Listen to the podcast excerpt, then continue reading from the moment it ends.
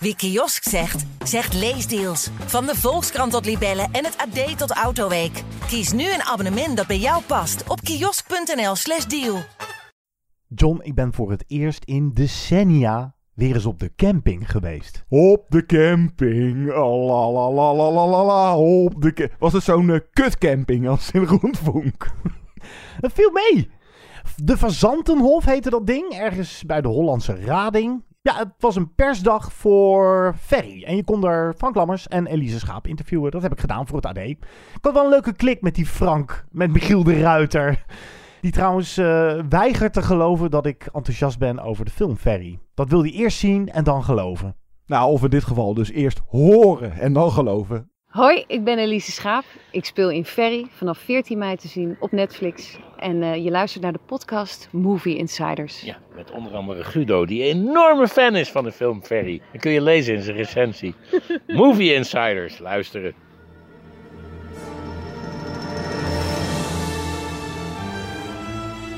Good evening, ladies and gentlemen. We are tonight's entertainment. Movie Insiders. Why should I waste my time listening? Because I have a right to be, and I have a voice! Groovy. Hallo allemaal en welkom bij de nieuwe aflevering van Movie Insiders, de filmpodcast van het AD, die je ook treft op Spotify, Apple Music en Google Podcast. Mijn naam is Guido. En mijn naam is John. We zitten sinds kort op Instagram, Movie Insiders Podcast. En je kan altijd een mailtje sturen, movieinsiderspodcast.gmail.com. Zo deed ook Peter Verbaan. Hallo Guido en John. Allereerst een compliment voor jullie hartstikke leuke podcast. Dank je wel. Ik luister nu sinds een paar maanden en heb ook nog jullie enorme archief te beluisteren. Vooral de bespreking van oudere films en klassiekers vind ik dan erg leuk om te luisteren. Dat nodigt mij dan ook vaak uit om een film weer eens te herzien. Daarover gesproken, wat mij opvalt bij het beluisteren van de oude afleveringen, is dat er heel vaak wordt gesproken over films die jullie nodig eens moeten herzien of nog een tweede keer moeten bekijken. Heel herkenbaar. Mijn vraag is: doen jullie dat ook vaak? Ja. Nee. Oh. Nee, jij nee, ja, ik eigenlijk veel te weinig, ja. Ja, geregeld. Moet er veel wel inderdaad echt de, de moeite zijn. Of ja, of gewoon klassiekers weer eens aanzetten. Ik ben, nou ja, dus ook mede door die coronacrisis eh, de laatste, nou, afgelopen jaar, gewoon wat, weet ik veel, gewoon wat van die Hitchcocks. Zo van, oh ja, die had ik al 15 jaar niet meer gezien. Zet eens aan. Eh, Ja, eh, ik heb het, ja, wel. la- laat mijn antwoord dan zijn, laat reïncarnatie in godsnaam bestaan. Want het leven is echt zoveel te kort om alles te gaan herzien. Hij vervolgt. Volgens mij kijken jullie zoveel films. En als je ook nog eens zoveel moet herkijken. dan hoeven jullie je niet te vervelen. totdat jullie in het bejaardenhuis zitten. Leuk. Tot slot nog een verzoekje voor een top 5. Ik weet niet of jullie het ooit eens eerder hebben gedaan. maar mij lijkt een top 5 personages uit films wel leuk. Bijvoorbeeld een Anton Chigurh, Heath Ledger als Joker, Hannibal Lecter en noem het maar op. Ja, eh, Oh, dat is heel breed ingestoken. Ja, dus we hebben wel- filmpersonages. Ja, we hebben Whatever, wel- man, vrouw, good guy, bad guy, maakt niet uit. Ja, bad guys die hij nu noemt hebben we wel eens... Nou, we hebben wel eens beroerde en bad guys hebben we volgens mij ook wel eens gedaan. Ja, echt top 5 filmpersonages. Ja, we kunnen het een keer doen. Dat We kunnen het wel een keer heel breed. Ja, Dat- ja. is wel, wel eng. Dan moet je in een enorme grabbelton gaan graaien. Ik hoop nog veel leuks in de toekomst te horen. En groetjes, Peter Verbaan. Dank voor het mailtje, Peter. Thanks, Pete. Stuur ook een mailtje, net als Peter. Movieinsiderspodcast.gmail.com dus. John, wat gaan we doen in deze aflevering? Nou, Ferry dus. Te zien op Netflix. De prequel van de serie die eerder op Netflix te zien was. Undercover. En nou ja, niet gigantisch veel keus, maar toch wel voldoende keus om een leuke top 5 van te maken. We doen hem gewoon. Top 5 prequels. Maar eerst de Nederlandse release waar eh, nou, alles en iedereen het een beetje over heeft. Er zijn zelfs rechtszaken gaande en, nou, een hele hoop gedoe. Nu te zien op Amazon Prime Video. Dit is De Oost. Heren, welkom op kamp Martiaan Liaar. God nou nu, is het hier verdomde heet zeg. Apa kalian lihat pemberontak? We gaan deze mensen ons nooit vertrouwen. Dat heeft geen zin. Wat weet je eigenlijk van de Turk? Put the stuff back inside and get lost. Ze zeggen het aan, niemand hoeft te rapporteren. Ben hier gekomen om mensen te helpen om net als de rest een beetje rondjes te lopen?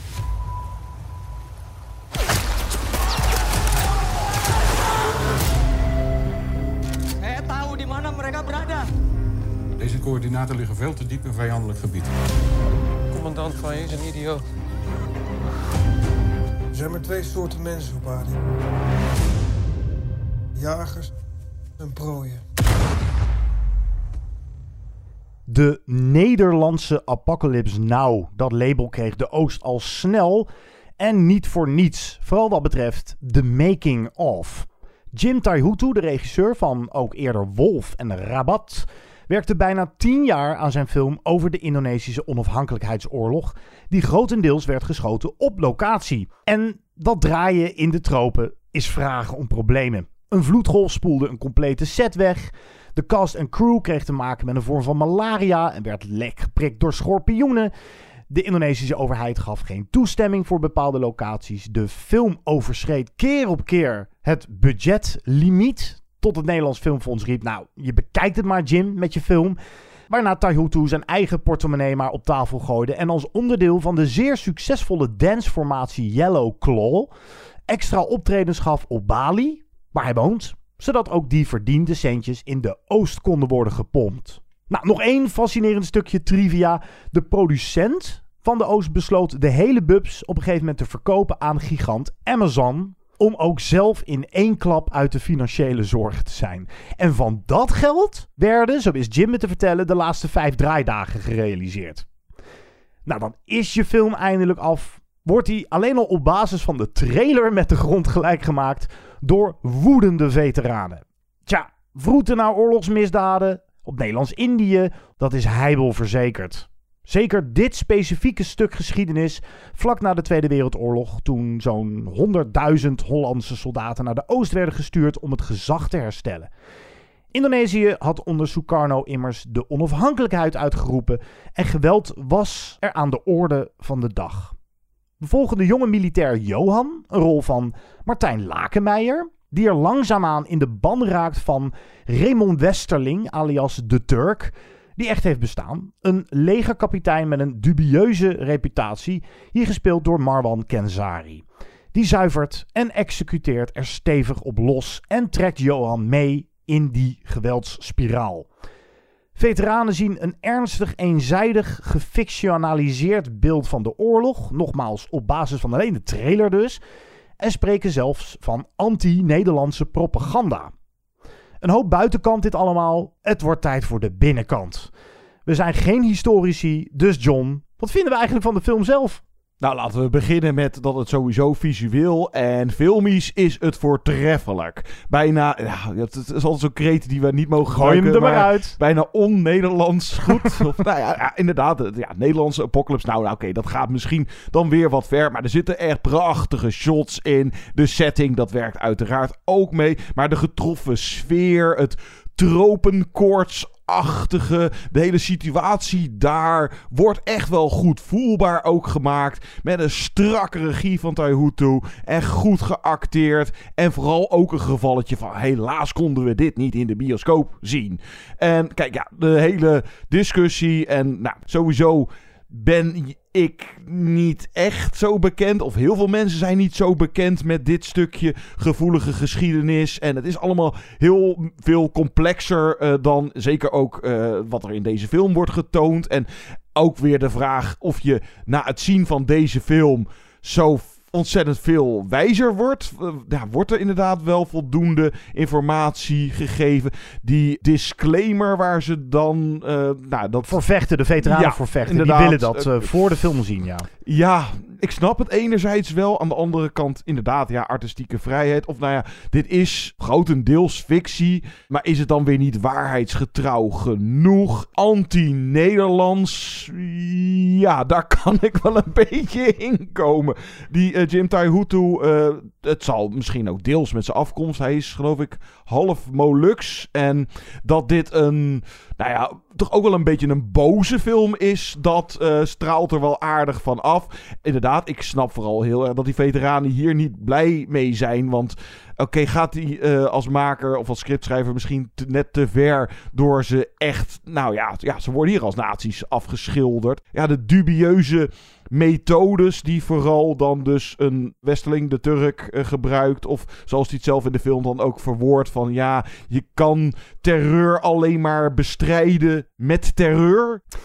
Ja, dit is een gevoelig stukje geschiedenis. En laten we daar nou net een hele podcast aan gewijd hebben, een paar weken terug. Eigenlijk naar aanleiding toen van Quo Vadis Aida over de val van Srebrenica. Dit was eigenlijk nog een veel mooiere aanleiding geweest voor dat onderwerp. Maar daar gaan we weer. Het is een gevoelig stuk geschiedenis. En ook gevoelig omdat, nou ja, je zegt het net zelf. Ik moest na de film tot de schokkende conclusie komen. Shit, wat weet ik verdomd weinig over mijn eigen historie deels.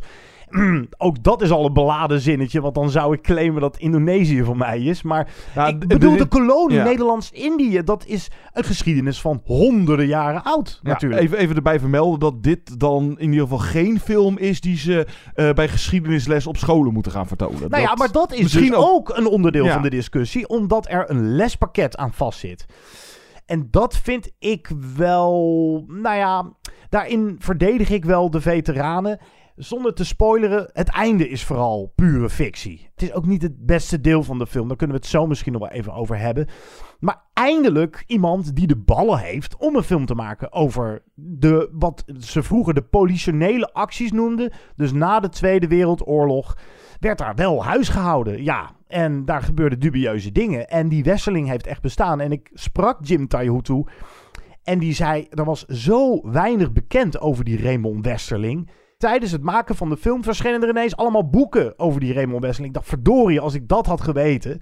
dan eh, had ik die research misschien niet allemaal zelf eh, moeten doen. Maar Ja, het is schijnt... nu ook exact 75 jaar later. Ja, dus dat zal de reden zijn geweest dat er dat soort verhalen weer kwamen bovendrijven.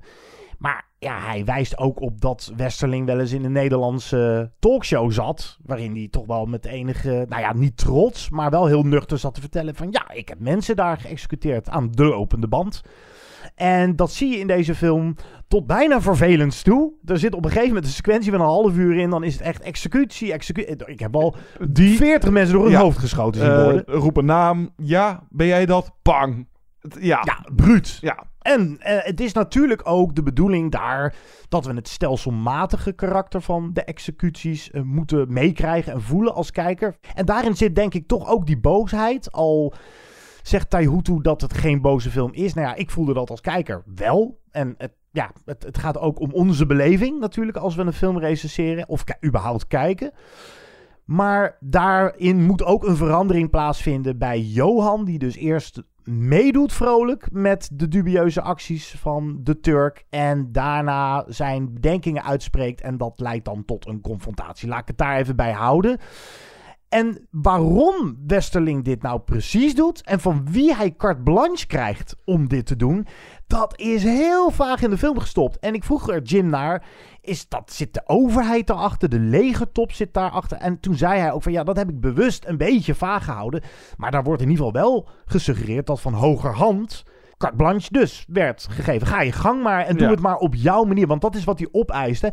Ik wil dit voor je doen, maar dan gebeurt het op mijn manier. Nou, dat zijn dus zuiveringsacties en een hele hoop executies. Ja, nou ja, kijk, die in, eh, achterliggende informatie of, eh, nou ja, eh, de nuances. En de, nou ja, bijvoorbeeld ook in de film, in de verte bij een vliegtuigje staat er iemand en dan zegt de Turk tegen Johan, je weet wie het is. De naam wordt nooit genoemd, maar hij zegt geloof ik van, ja, er staat maar één persoon boven hem en daar ligt hij iedere avond op. Ja, dat moet Prins Bernhard ja, zijn. inderdaad. dat is ook wel redelijk duidelijk Ja, trouwens. ja, inderdaad. Eh, maar nou ja, kijk, hoe dat dan allemaal zit, daar is niet voor gekozen in deze film. Het gaat meer om... Het gaat om de beleving Ja. van jonge soldaten die op hun achttiende... Dat moet je je voorstellen, ben je klaar met de Tweede Wereldoorlog... En dan word je ineens gevraagd om naar Indonesië te gaan. En je moest, want het was gewoon dienstplicht. Nou, hij was volgens mij bijvoorbeeld zo'n Johan, die was geloof ik dan wel vrijwillig. En velen waren dan ook wel vrijwillig daarvoor maar in dienst gegaan. wa- waarom ze daarheen moesten en wat daar nou precies de situatie was. Ja, en en dat- dat, vind ik een meerwaarde Ja. in de film. Vooral in de eerste acte, misschien de eerste twee actes ook wel. Dat die soldaten daar echt rondlopen. En, en net als ons kijkers het gevoel he- hebben van wat doen we hier? Waarom zijn we hier? Waarom? Wat gaat mij overkomen? En er wordt dan ook gezegd, het is een onvoorspelbaar gebied. Ze zitten op Java, geloof ik, hè? In de Eh, film. dacht het wel, ja. Ja, daar krijgt inderdaad zomaar eens een soldaat wel eens een kogel door zijn hoofd. En dan, ja, is, ligt er ineens iemand te sterven op de Ja, er wordt eh, zeker, nou, de eerste uur, anderhalf uur van de film wordt eigenlijk amper geschoten. En is het inderdaad meer de soldaten. Nou ja, dat is een goede schets. Het soldaten vond ik ook mooi, de verwarring. le- leven daar en ja, nou ja, dan s'avonds maar op een zuipen zetten en even naar de hoeren. En Ja. ja, we moeten toch wat doen. Maar nou, die Johan, je zou inderdaad kunnen zeggen dat hij, zeker later eh, in het verloop van de film, vertegenwoordigt hij de, de twijfel of misschien deels ook wel het geweten. Nou, zijn WO2-verleden eh, speelt ook mee. En ja, je zou kunnen zeggen, boet, een soort van boetedoening. Niet eens misschien zozeer voor zichzelf, maar voor zijn familie. En hij kampt in dat opzicht een beetje met een innerlijk conflict. Dat karakter van eh, Johan, dat is wel echt interessant en fascinerend. En eh, op een gegeven moment ook wraak als een eh, legermaat van hem wordt neergeschoten. En dan later die omschakeling naar, nou ja, inderdaad de twijfel. En waar we hiermee bezig zijn. Of verdienen die mensen die jij nu zo patsboom afknalt niet iets van een eerlijk proces. En dan zitten daartussendoor af en toe scènes. eh, dat hij weer terug in Nederland is als veteraan. Ja, het zijn Dus, eh, flash-forwards. zijn Ja, flash-forwards. Ja, Ja. dat eh, later. Nou ja, en goed. hoe er, ja. Je zou kunnen zeggen dat Johan radicaliseert in zekere zin. ja, en, en weer Terug en weer radicaliseert. terug. Ja. Maar daar zit voor mij dan toch wel een beetje het probleem. het komt bij de ja, Oost. Het, het zit Want een beetje, waarom? Hij is heel lang in de film is hij een beetje Mr. Right. Hij wijst anderen op hun discrimina- eh, discriminerende uitspraken. Die er trouwens flink eh, racisme, zeker in het begin van de film. Eh, het, het woord apen komt aardig flink voorbij. Behoorlijk. En hij trekt daar eigenlijk tegen in het verweer. Dus je denkt de hele tijd, deze man wil goed doen. En we leren dat zijn vader een belangrijke NSB-kopstuk was. En vastzit in de gevangenis. Dat leren we dan in die flash-forwards. Waarom radicaliseert hij dan toch? En ga- gaat uitgerekend dit personage meedoen? En wordt hij eh, gegrepen of raakt hij in de ban van de Turk? Ja, komt dat door de Turk en door het, zijn ja, charisma of zijn, zijn Nou? Of ja, zijn, ik vond of- dat een, ja. beetje, een beetje vaag. Want ik vond ook wel dat de film een beetje suggereerde... alsof hij net als zijn vader kiest voor de verkeerde kant. Maar dat vind ik een hele rare soort van psychologie van de koude grond eigenlijk.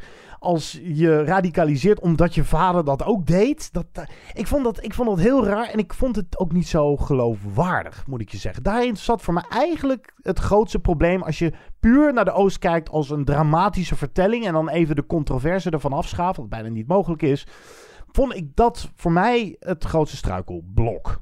Maar ja, het wordt zo goed geacteerd. En die Taihutu weet wel echt hoe die een film moet maken. Ja, nee, zeker. Dus ik, de- het is toch... Ja, ik ben heel erg ehm, in tweestrijd over deze film. Ik vind het inhoudelijk ook een beetje dubieus. En ik vind het einde nogal afgeraffeld. Eh, We krijgen een beetje een Rambo-finale. Ja, een soort ja, Rambo slash eh, Apocalypse Now eh, Ja, finale. Apocalypto Dat, moest ik er zelfs ook ja, nog even aan ja, denken. Het, het slotakkoord, dat, hoewel het eh, zeker interessant is, eh, moet het verhaal technisch het eh, daar niet van hebben. Maar eh, Marwan, fantastisch. als Zo, nou, de Gedenkwaardig en- Nederlands filmpersonage wel. En, en wat hij doet. En ja, dat hij op een gegeven moment aanklager, rechter of eigen rechter en bul eh, tegelijkertijd is. En nou, dat, dat wordt allemaal deels aangekaart. En nou, kijk, de nazi-vergelijkingen die erin zit, eh, als dat niet opvalt, dan, eh, dan ben je niet goed aan het kijken.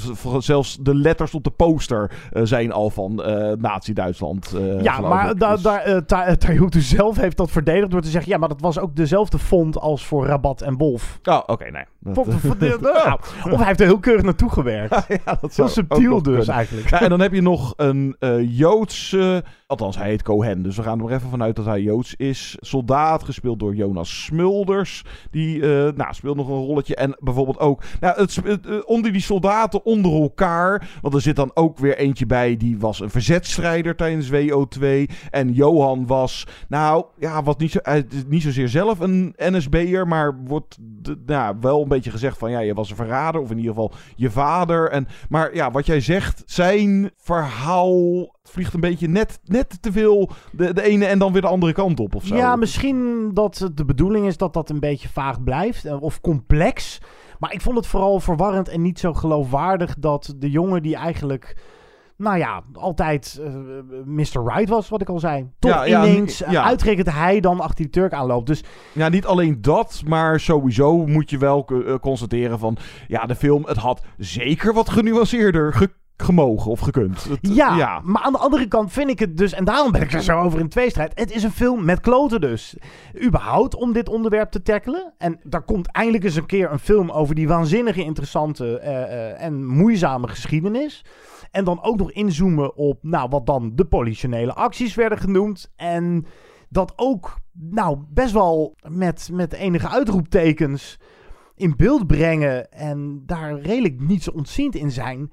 Ja, dat verdient toch ook wel een beetje applaus, vind ik eigenlijk. Ik snap, en laat er maar discussie plaatsvinden. Want door die discussie, en dat is misschien wel precies wat Jim Taihutu wil, laat ze maar lekker eh clashen met elkaar. debatteren en ja. Dan hebben we het er eindelijk een keertje over. Al heeft hij, en dat heeft eh, tot een nieuwe rechtszaak geleid, een interview eh, met mij gedaan in het AD, waarin hij ook enkele veteranen die hem bekritiseerden wegzette als gekkies.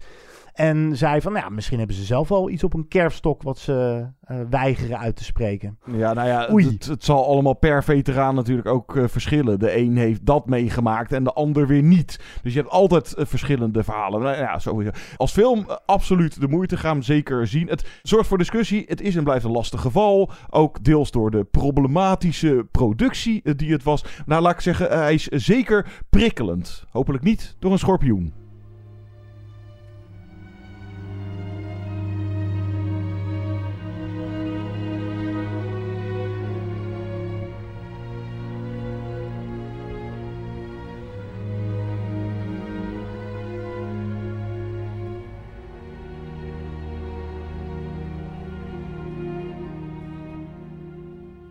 Blijf luisteren, want we gaan straks Ferry bespreken. De prequel van Undercover. Die Netflix-serie die wij allebei niet gezien hebben. Hoe valt dan Ferry? En we doen het op vijf beste prequels. Eerst maar eens een stukje muzikale overbrugging. Ja, de score of de soundtrack van De Oost is er niet. Of is nog niet uitgebracht. Trouwens, best wel een goede score wat betreft, nou, de- die wel bijdraagt aan de broeierige sfeer. De hele tijd hoor je datzelfde instrument, ritmisch, wat, hoe heet dan zo'n ding eigenlijk? Nee, een soort klankschaalding. Een soort, soort klankschaal. Ja, ja da- daar In lijkt het inderdaad de sauna ligt. Nou, nou. Ja, maar dan eh, wat onheilspellender Ja, dan als je in de onheilspellende sauna. onheilspellende sauna. Goed, laten we ja, iets draaien uit Platoon. Misschien een beetje vergelijkbaar. Ook een oorlogsfilm in de tropen. Met dat prachtige, beroemde stuk muziek van Samuel Barber. Adagio for Strings. Blijf luisteren.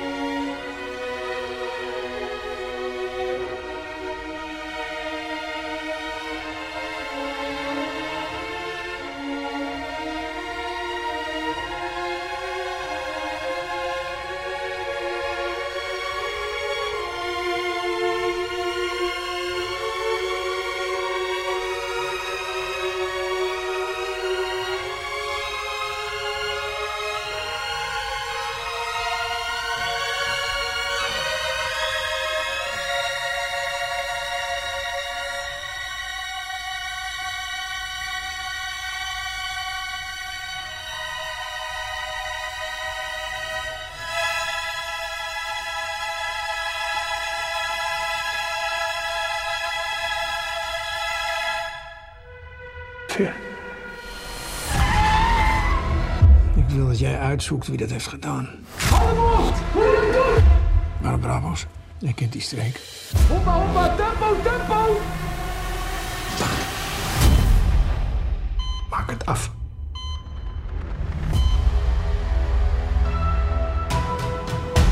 Zus, Wat de fuck doe jij hier? ik eh, was in de buurt.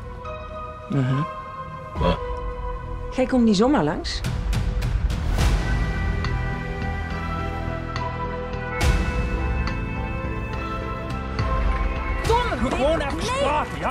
Stek die van de Wouterdak, roep ik erin. Had het? Ja, ik ben Danielle trouwens. Ferry. Hoe verging het Ferry Bouwman, Frank Jumbo Lammers, voordat hij drugsbaron was en gepakt werd in populaire Netflix-serie Undercover?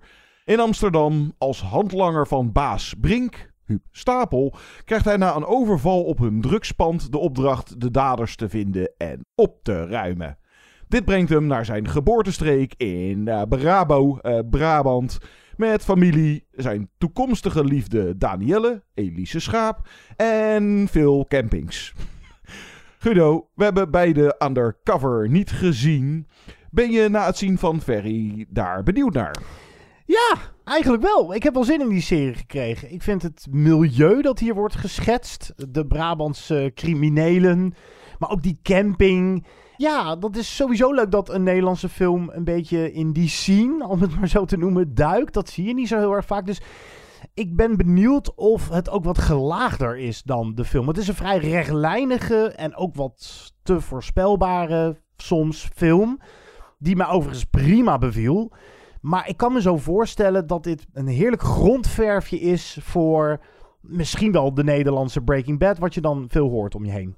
Ja, benieuwd naar, ja, een beetje, het, eh, nou ja, gevalletje, moet ik dat nou zo nodig zien? Nou, misschien dat dan nog net niet, maar, nou, of eh, luisteraars, eh, overtuig me, laat van je horen. Moet ik absoluut Undercover een keer zien? Sowieso het nee. antwoord zal ja zijn, John. Ja, ja, vooral net- seizoen 1, want er was veel gemopper over seizoen 2. Mm. Maar deels was er gemopper omdat Ferry en Danielle er zo weinig in zaten. Oh. Vandaar dus ook deels deze Oké, als een soort van goedmakertje van, nou, dan krijg, dan krijg je een, een film, een prequel. Nou ja, sowieso Nederlandse films en eh, series. eh, dit- ja, nou ja, sorry, ik heb er gewoon niet zo heel veel mee. Ik ben niet zo nationalistisch ingesteld. Dus dat kan misschien ook nog een rol spelen. Maar nou, dit speelt, of het is deels ook een Belgische productie, of het speelt Ja. ook een beetje in het, nou, Vlaanderen, het noorden van, eh, van België. Een van de campings waar die op zit, zit in België. We het, nou, dit is wel een film die qua toon een beetje all over the place is. Het begint wel echt eh, als misdaadfilm en kort even de schets van de, nou, de Amsterdamse onderwereld. Met dan dus baas eh, Brink, eh Huub Stapel. En dan na een kwartier.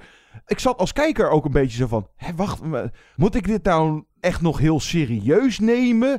Of is dit echt heel serieus bedoeld? Want het wordt een beetje meer een soort zwarte comedy. Of soms bijna zelfs een beetje romcom.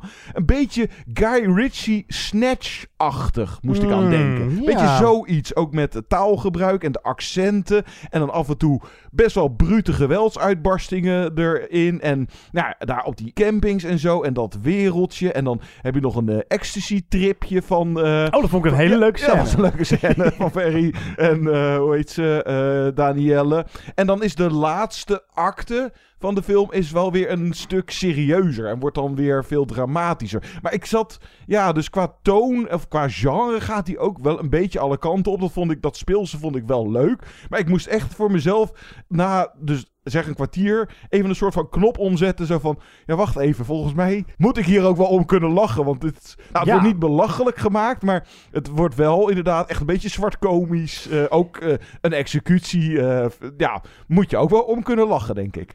Ja, ik snap wel wat je... Ik vind dat wel het leuke van deze film. En dat maakt mij ook nieuwsgierig of die toonwisselingen ook in Undercover zitten. Volgens mij wel. En mag je daar ook deels om lachen en is het zwarte humor. Maar dat is toch denk ik ook de aantrekkingskracht van het personage Ferry Bouwman. Want hij is zowel iemand die je wil knuffelen... als eh, iemand van wie je heel snel wil weghollen. Want hij is echt koelbloedig... maar is nu eenmaal zo opgegroeid of opgevoed en, en luistert gewoon slaafs naar zijn baas. Dus gespeeld heerlijk nonchalant, uh, uh, niet te smerend gespeeld door Huub Stapel. Gewoon een lekkere rol.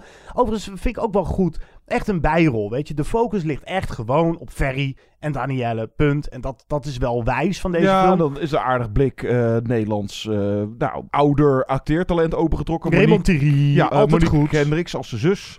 Ja. Die, die 1 tweetjes tussen hem en zijn zus, die zijn wel memorabel. Ja, die zijn, die zijn, ja, maar de dialogen zijn goed. En dus er zitten een aantal spannende scènes in. Je krijgt even de verplichte flashback in het begin. Hoe Ferry, Ferry is geworden. Hij had een gewelddadige vader. Is ook een beetje, nou, over psychologie van de koude grond gesproken. Die kreet uh, slaakte ik net ook al bij de Oost. Maar vooruit, dat, dat, het is toch heel even meekrijgen wat zijn verleden is. En dat verklaart dan toch deels waarom hij nou, ook wel iemand is die gewoon behoefte heeft aan genegenheid of zo. En daarom bijna als een tiener, dat is bijna kalverliefde. Ja, en daarom vond ik de film zo raar. Het, leek, het ging opeens een ja. hele andere kant op. En dat het, heeft echt, het is echt, die scènes tussen die twee zijn echt schattig. Ja, inderdaad. En dan dat is was... er weer een brute executiescène. Ja, ja. maar dat was dus enerzijds verrassend, maar daardoor ook een klein beetje verwarrend. Zo van, ja, ik, ja, ik heb het dus undercover, uh, nogmaals, ik heb het niet gezien, dus ik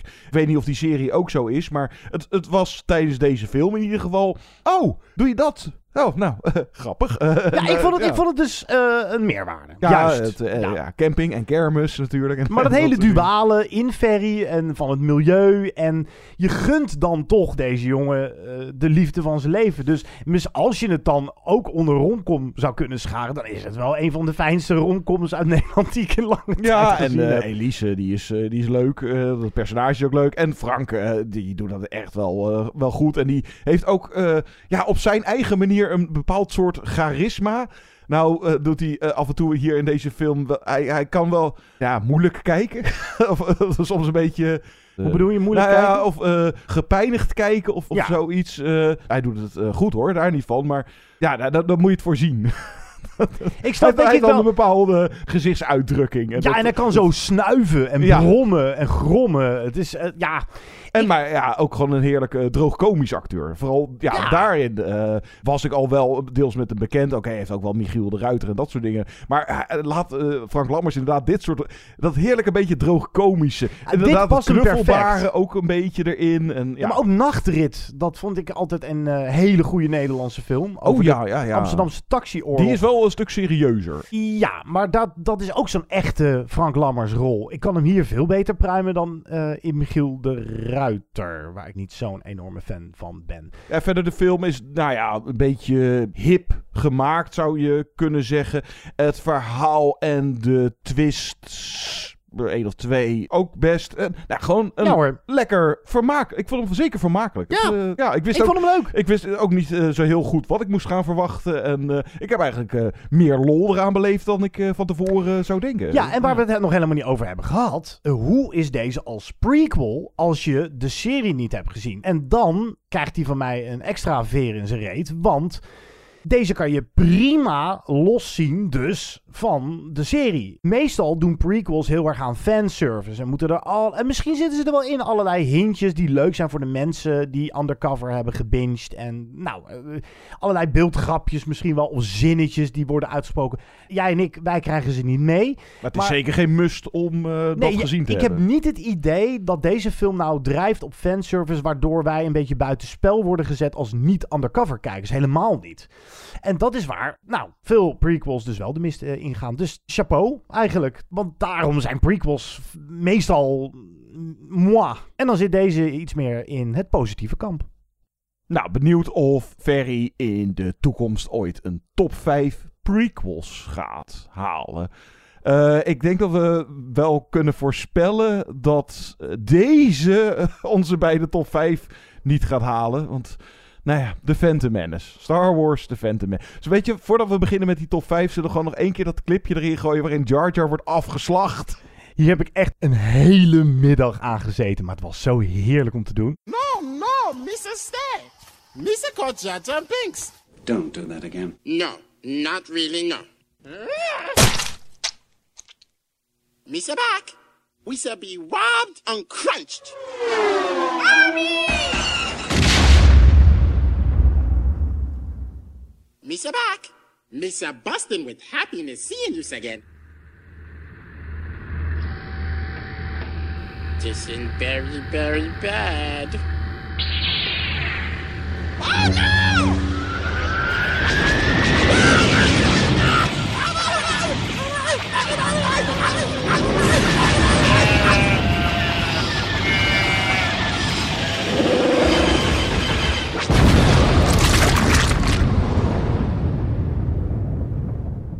Ja, prequels. Ik riep het al net in de recensie van Ferry. Er zitten een hele hoop moi films tussen. Er zit een hele hoop bagger tussen. Ja, zeker. Ja, want prequels drijven toch vaak op het succes van iets wat eerder kwam. Net als sequels vaak. Ja, ja. En eh, mocht je nog niet weten wat een prequel is, dan, dan moeten we eigenlijk onze journalistieke plicht nog even doen. Het vertelt de voorgeschiedenis van een verhaal dat we al kennen. Dus. En het, het, het meestal zie je toch dat ze te lui leunen op eerder bewezen succes. En dat er daarom ook weinig creativiteit in zit. Het is puur een soort bonus of een soort cadeautje voor de fans. Ja, of uitmelken. Ja. Of uitmelken, hoe je het noemen wil. In het Star Wars-universum nou, valt er wel wat voor te zeggen op zich. Dat is een universum waar je honderd verschillende verhalen kan vertellen. Ja, het resultaat uh, was natuurlijk uh, grotendeels om te janken. Maar uh, verhaal technisch gezien, eh, de prequels van Star Wars. Nou ja, die eerste, of toen ten tijde van verschijnen dan nog niet. Maar die werd al heel snel episode 4 genoemd. Dus dat was echt zo van, oh ja, er moet nog inderdaad episode 1, 2, 3 verteld worden. Zeker. En, en zal ik dan maar gelijk van wal steken met nummer 5, want dat is een Star Wars film. Het okay. is Rogue One. Ah, ja. ja, en dat is een, een nou, spin-off, een prequel en het einde van Rogue One, A Star Wars Story. Dat is dan de volledige titel. Sluit dan naadloos aan op de eerste Star Wars film ooit gemaakt. Een Nieuw Hoop uit 76? 77. 77. Kijk eens aan. Waarin Darth Vader door de gang komt lopen en zegt, uh, hier ben ik. Nou, dat zegt hij niet, maar daar is hij dan. Darth Vader. En dit is een film die niet in de valkuil stapt. Waarin allerlei vakjes moeten worden aangekruist. Een soort bingo-kaart. Spastisch bijna om de fans tevreden te stellen. Het zijn allemaal nieuwe personages. En ze hebben een missie. En het speelt zich af in hetzelfde universum. En nou, de plot draait dan om de bouwer van de Death Star. Nou, dat is misschien wat dun. Maar het wordt bevolkt door uh, leuke karakters. Um, hoe heet zij ook alweer? Zij is cool. Uh, Felicity Jones. Felicity Jones, die je uh, vooral zou kunnen kennen uit The Theory of Everything bijvoorbeeld. Ja, of vooral uit deze zal kennen. Ja, nou ja, goed, daarvoor was ze dan in, in die film uh, vrij populair. Maar er zit ook een leuke droid in. Het is ook een film, ja, je kan niet van veel Star Wars films zeggen dat ze echt kloten hebben. Want het zijn vaak een beetje brave films. Maar deze, nou, hij nou, eindigt wel... Nou, klootjes. Kl nou, klootjes dan.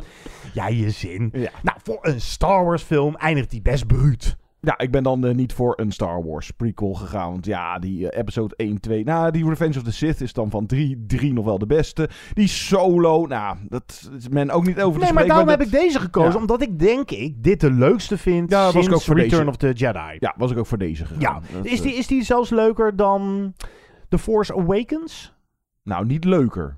Ja, die is misschien wel iets fijner. Ja, Ja, en ik, nee, ja, ook eh, kwalitatief kies ik dan toch ook wel voor Force Awakens. Ja, ik nou. ben sowieso, eh, eh, die, die laatste, daar, daar, daar hebben we het niet meer over. Maar Force Awakens en Last Jedi, prima. Maar dat zijn weer sequels. Nee. Ja, sowieso, voor mij nummer vijf. De laatste jaren zag je dat natuurlijk steeds meer prequels. Deels ook door de superheldenfilms. Nou ja, bijvoorbeeld Wonder Woman is dan een goed voorbeeld. Eh, en de laatste, eh, recent besproken, Wonder Woman 1984. Eh, want Wonder Woman was eerst geïntroduceerd, of kwam eerst opdraven in, wat was het? Batman v Superman, geloof ik, of zoiets. En dan, nou, dat was duidelijk een prequel. Maar ja, je hebt ook wel even die twijfel ja, Batman Begins. Wel of niet een prequel. Het is maar hoe je het opvat. Of, nou ja, met Marvel, je had natuurlijk dan Captain Marvel. Hoewel zij nog nooit in beeld was verschenen in een eerdere Marvel-film. En met Black Panther, hoe dat nou precies zit. Want volgens mij, wat er in Black Panther gebeurt, speelt zich ook weer af na Civil War. Dus kan je dat wel weer een prequel noemen. Nou, ik ga in ieder geval naar waar het een beetje voor het eerst echt gebeurde in het superheldengenre, X-Men. X-Men, en dan had je nou, First Class en Apocalypse en eh, nog een nog Ja, een waar ga je dan voor? En dan ga ik voor die... Ja, het is een soort half-half prequel Days of Future Past uit Oh, eh, ja. 2014. Die vond ik ook leuk, ja. Dat vind ik dan van de... Nou, is het mijn favoriete X-Men film? Nee, dan ga ik toch voor X2. Maar van de eh, nieuwe of de jongere generatie eh, X-Men is dat dan toch wel de meest geslaagde. En hier wordt dan jong en oud gecombineerd. Dus je hebt bijvoorbeeld eh, Magneto en Professor X. Heb je zowel de oudere versies uit de oudere X-Men films van begin deze eeuw.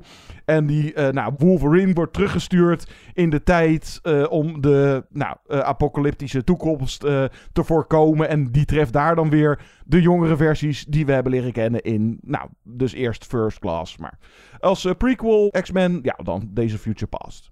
Mijn nummer 4 is dan Indiana Jones en The Temple of Doom. Nou, is ook mijn nummer 4. hey, wat grappig. En Was dit de eerste prequel die je ooit zag? Dat zou kunnen. Het was ook de eerste keer, dit ga ik gewoon opbiechten, dat ik erachter kwam dat het een Ja. prequel was. Ja, ook pas veel later. Pas. ik kwam er vandaag pas achter, John. Wat? Ja, Hè? tijdens mijn research kwam ik dit tegen als een prequel. Ik dacht, huh? Dit kwam toch na Raiders of the Lost Ark? En ik heb me nooit beseft dat de verhaallijn zich dus eh, afspeelt voor de eerste Indiana Jones Raiders. En Heel veel mensen weten dat niet. nee, maar waarom zou je dat ook moeten weten? Of er wordt niet echt naar gehint ook in de film. Nee. en nou ik heb die film echt, nou zeker als kind, heb ik hem een keer of twintig gezien. Was het ook de eerste Indiana Jones die jij zag? Nee, ik zag wel echt eerst Raiders of the Lost Ark. Ik, nou, ik zeggen. twijfel nog steeds een beetje, maar volgens mij zag ik als eerste Temple of Doom. Maar ja, ook pas inderdaad, ik wist het al wel langer, maar het was pas veel later, dus echt jaren nadat je die film eh, al, al een paar keer had gezien, was het echt zo van, oh, dat is blijkbaar een prequel. Het speelt zich inderdaad een Ja. paar jaar af voor Raiders of the Lost Ark en dan in, het begint in China en nou, vooral in India. Ja, het. en het, de grap is dan geloof ik dat George Lucas is eigenlijk de bedenker van Indiana Jones. En die wilde niet twee keer op rij de nazi's naar voren schuiven als bad guys. En daarom hebben ze besloten er een prequel van te maken, geloof ik. Dat is een beetje het verhaal. Deze film wordt vaak ook door heel veel mensen verguisd. Maar nou, misschien is het dan nostalgie. En is het niet de meest sophisticated Spielberg-film die ik ooit zag? Nee, zeker niet. Maar ja, dit is heerlijk eh, gierend uit de bocht vliegende ja, heerlijk, Spielberg. eh, heerlijk, maar onevenwichtig. Ja, Eh, nee, want- zeker. Maar ja, dat, die scène dat dat hart eruit wordt gerukt, dat maakte op mij als kind zo ontzettend veel indruk. Ja, maar dat, dat Wow. is best nogal, nou ja, laat ik zou gewoon zeggen, grof. Maar aan de andere kant is de film dan soms ook weer te kinderlijk. Met die short round. Dus de, de balans is niet altijd... En hoe heet ze? Kate Capshaw. Kate Capshaw eh, als eh, eh krijskut, holy shit. Mrs. Spielberg is dat. Maar ja, dit is wel gewoon puur entertainment. Indiana Jones in the Temple of Doom uit 84. Het is dus, nou, voor wie het nog niet wist, het is een prequel.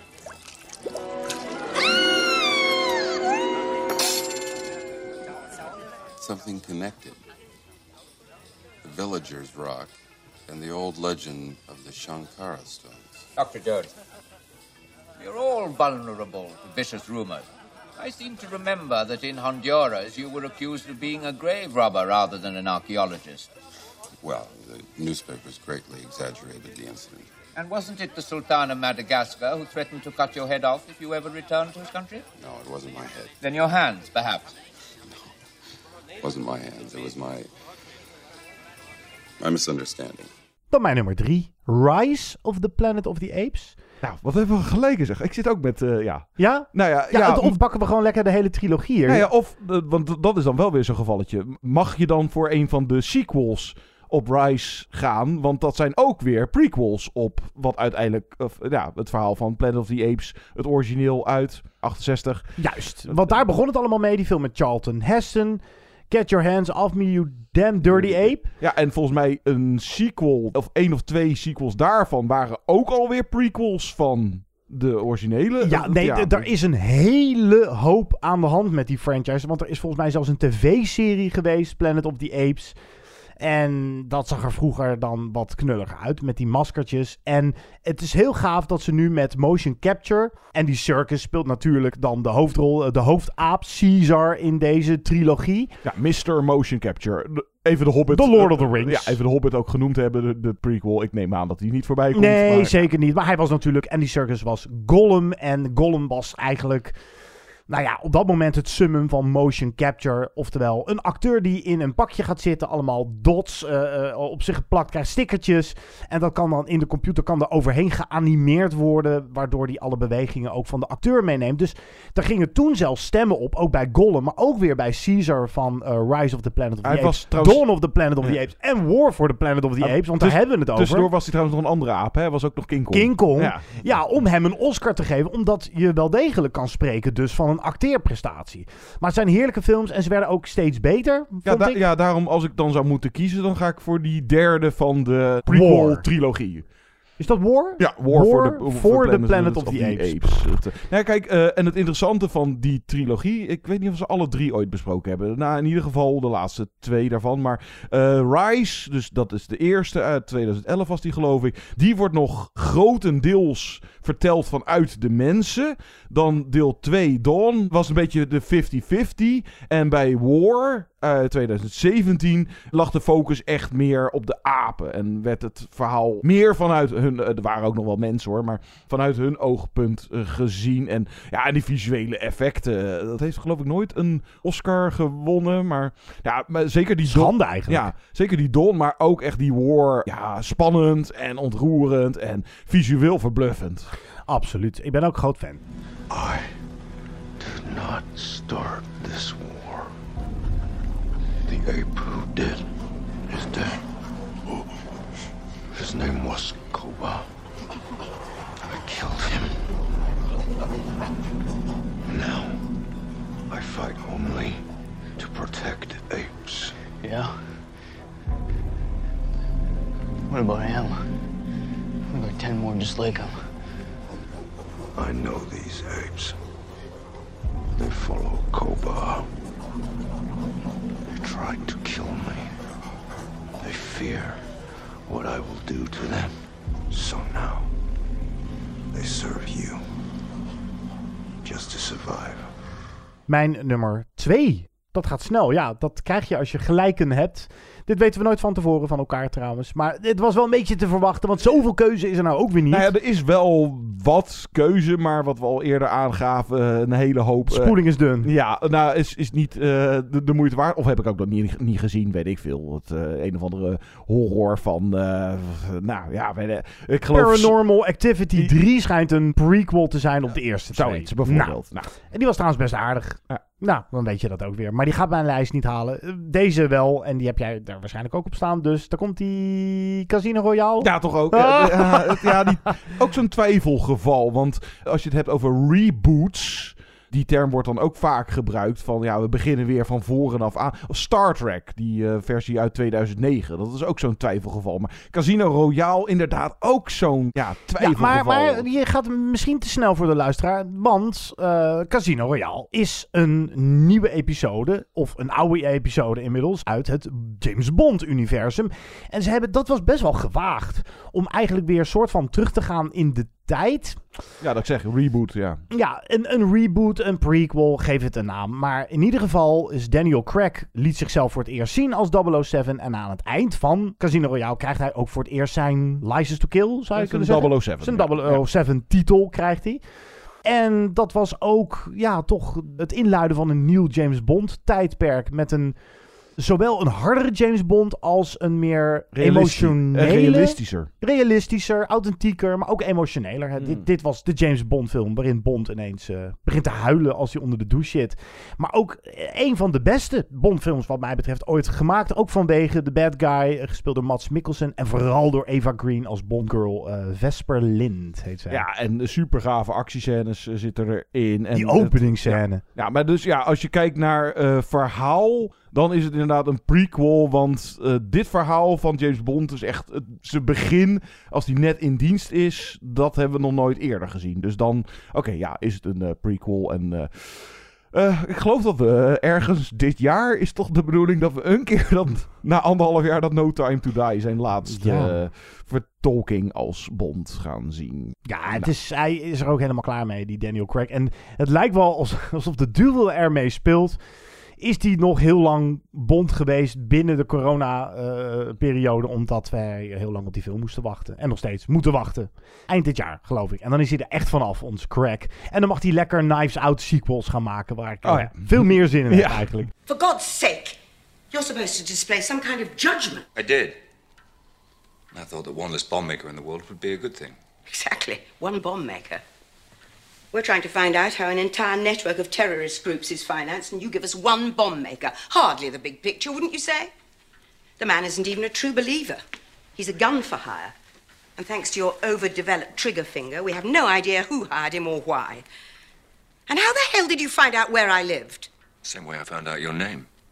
I thought M was a randomly assigned letter. I had no idea it stood for. Utter one more syllable, and I'll have you killed. I knew it was too early to promote you. Well, I understand double O's have a very short life expectancy. So your mistake will be short lived.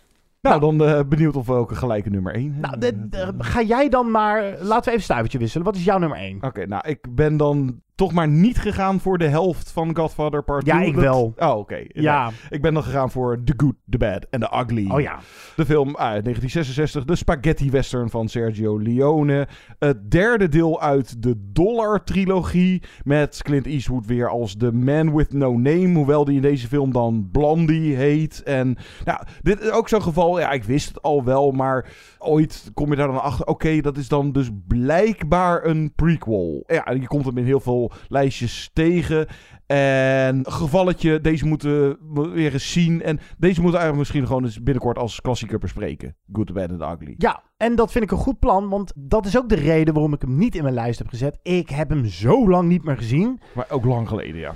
Dat ik, ja, ik kon niet met droge ogen eh, zo'n film helemaal eh, de hemel in prijzen, terwijl die zo is weggezakt. Ja, en mijn reden om dan dus toch niet voor Godfather Part 2 te gaan is omdat het, ja, het is half-half.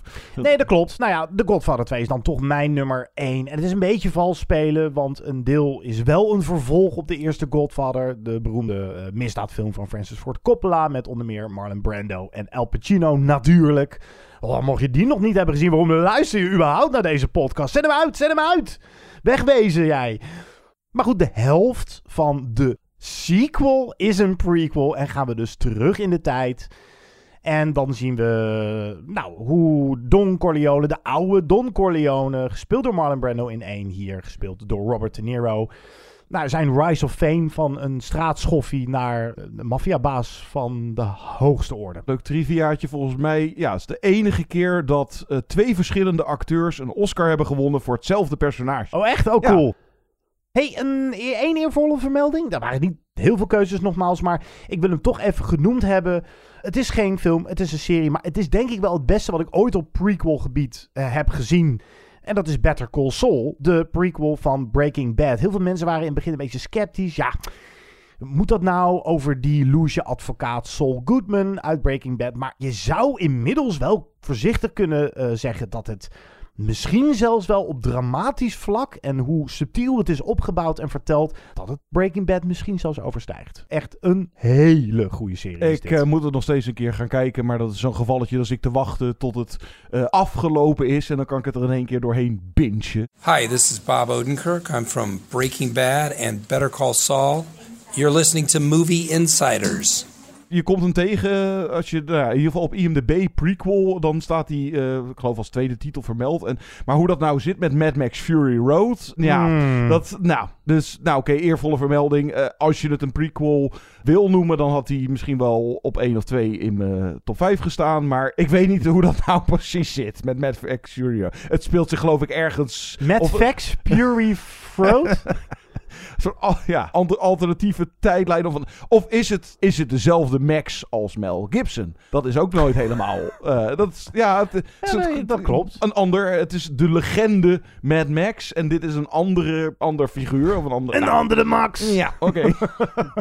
Goed, zijn we een prequel vergeten? En wil je ons op de vingers tikken? Of wil je een andere opmerking kwijt? En heb je een leuke suggestie voor deze podcast? Je kan altijd van je laten horen door bijvoorbeeld een reactie achter te laten op movieinsiders.nl. Dat is een beetje onze thuisbasis, maar Movie Insiders is natuurlijk van het AD. Daar zijn we wekelijks te vinden. Net als op Spotify en platforms als Apple Music en Google Podcast. We zitten op Twitter, at Movie op Instagram en op Facebook. En zoals ik in het begin al zei, en John, jij las hem voor het mailtje. Dat kan naar movieinsiderspodcast.gmail.com. We gaan eruit met muziek, maar niet voordat we hebben gezegd wat we volgende week gaan doen. Wat gaan we volgende week doen? Bioscopen zijn nog dicht, eh, dus laten we even de focus leggen misschien op Netflix. Daar komt sowieso, nou nu uh, of straks is Ferry dus te zien uh, als nieuwe release, maar er komt ook uit The Woman in the Window met Amy Adams, een misdaad, mysterie, drama van Joe Wright, regisseur van Atonement, Pride and Prejudice. Die gaan we in ieder geval bespreken. En misschien al een leuke klassieker. Oh ja, op Netflix staat er een, een film uit India en dat, wordt is echt geen dat is nieuw, dat is geen Ja, klassieker. maar- nee, dat is geen Ja. klassieker. Maar dat is, dat is misschien ook een optie. Daar wordt echt geschreeuwd door cinefielen. Dat moet je zien. En dat is, hoe heet dat ding? The Disciple. The Disciple. Die zullen we in ieder geval ook even kijken en Ja. eh, daar even bij stilstaan. En inderdaad, sinds kort, nou, niet alleen wat Zweedse, maar dus ook wat Italiaanse ja, klassiekers. eh, sommige, eh, of oudere Italiaanse. We zullen ook wel even iets ouders ah, bekijken en bespreken. Ja. Het, eh, wat, is er, ja, wat is er ook te zien op Netflix? Naast eh, een ferry en eh, andere grote... Zullen we er gewoon uitgaan? eh, we hebben vast alles eerder gedraaid. Maar als goedmakertje, voordat we Jar Jar hebben afgeschoten... Gewoon, het is en blijft toch fantastisch. Duel of the Fates gewoon nog een keer aangooien. Van componist John Williams uit die... uit die film. Uit die film. Uit die film. Uit die film. Ja. Star Wars Episode 1, The Phantom Menace. Tot de volgende keer. Ciao.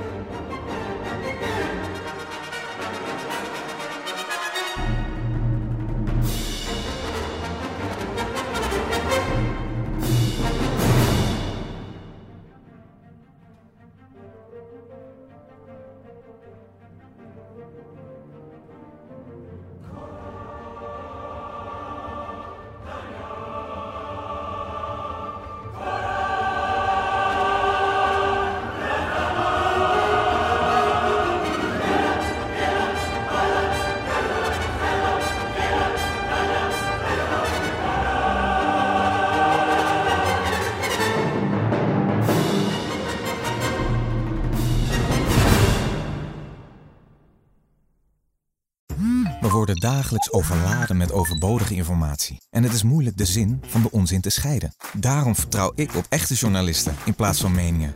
Een krantenmens heeft het gemakkelijk. Word ook een krantenmens en lees je favoriete krant nu tot al zes weken gratis. Ga snel naar krant.nl. Bezorging stopt automatisch en op deze actie zijn actievoorwaarden van toepassing.